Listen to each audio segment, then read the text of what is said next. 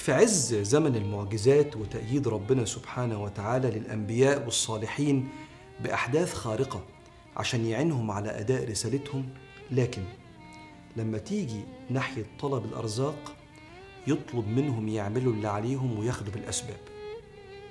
الأخذ بالأسباب هو فعل الإنسان ما يجب عليه من المجهود للحصول على ما يريد من النتيجة. سواء النتيجة دي كانت رزق مادي فلوس أو مقتنيات أو رزق معنوي سعادة أو حب الناس. شوف تأييد ربنا سبحانه وتعالى لسيدنا موسى بمعجزة انشقاق البحر ونجاة بني إسرائيل وغرق فرعون. لكن وهم في وسط الصحراء برضه سيدنا موسى هو هو مع بني إسرائيل وقت ما يبقوا عطشانين وعايزين يشربوا وإذ استسقى موسى لقومه فقل نضرب بعصاك الحجر.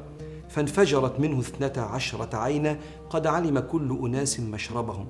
لو عايز تشرب أبذل ما في وسعك لأن الشرب ده من الرزق من السعي على الرزق. شوف الأدوات اللي معاك حتى ولو انقطعت الأسباب من الصحراء. الصحراء شكلها ما فيهاش مية. إيه اللي معاك؟ العصاية. استخدم الأدوات اللي معاك وشوف ربنا هيعمل معاك إيه. أول ما يضرب بعصاه الحجر يستثمر القدرات اللي في إيديه ربنا يفجر له المياه من تحت رجليه. السيدة مريم في آلام الوضع المنهكة وبعد معجزة ولادة سيدنا عيسى بغير أب وعايزة تاكل ربنا يقول لها وهزي إليك بجذع النخلة. ما دام عايزة تاكلي ده رزق اعملي أي حاجة حتى لو منتهى البساطة والضعف. ابذلي ما في وسعك وهزي إليك بجذع النخلة تساقط عليك رطبا جنيا فكلي واشربي وقري عينا. النبات الشيطاني في الصحراء لا يؤكل. عشان تاكل لازم تزرع بإيديك. وربنا هيأيد مجهودك ده. بسم الله الرحمن الرحيم. أفرأيتم ما تحرثون؟ أأنتم تزرعونه أم نحن الزارعون؟ تحرثون يعني تحط البذرة في باطن الأرض. أما أأنتم تزرعونه يعني أأنتم تنبتونه أم نحن المنبتون؟ أنت مش بتنبت حاجة. أنت بتحرث والله اللي بينبت. أنت لا تستطيع إخراج الشجرة من البذرة لكنك تستطيع وضع البذرة في الأرض وسقياها. وعلى الله النتيجة. وده السر. خد بالأسباب على قدر استطاعتك وربك هيعطيك بحكمته ورزقه هو سبحانه وتعالى. وسعيك لطلب الرزق وأخذك بالأسباب هو عملك. الذي ستحاسب عليه. أما النتيجة فهي رزقك المقسوم. بسم الله الرحمن الرحيم. وأن ليس للإنسان إلا ما سعى. وأن سعيه سوف يرى ثم يجزاه الجزاء الأوفى. ولأن سعيك هو اللي هتتحاسب عليه نزلت الشريعة. تقول لك اسعى بالأسباب الحلال لأنك هتتحاسب سعيت إزاي ومن حلال أم من حرام؟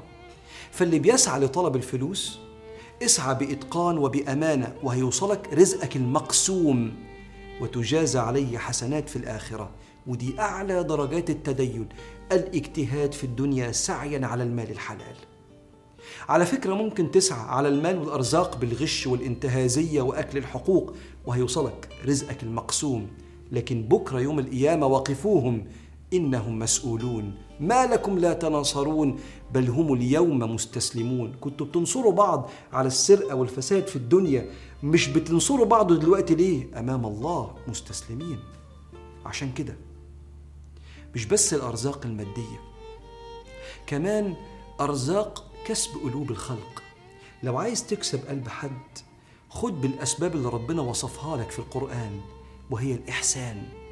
ولو مصدق ربنا هتشوف قد إيه هتفرق معاك في العلاقة. شوف ربك يقول ادفع بالتي هي أحسن السيئة نحن أعلم بما تصفون. يعني خليك دائم الإحسان حتى ولو قوبلت بالإساءة في مرحلة من حياتك. ومهما قلت لربنا أصل أنت ما تعرفش رب دول بيعملوا إيه؟ ربنا يقول لك نحن أعلم بما يصفون. كمل أنت في إحسانك؟ وهو ده سعي الآخرة اللي هتؤجر عليه الأخذ بالأسباب من حلال. بسم الله الرحمن الرحيم.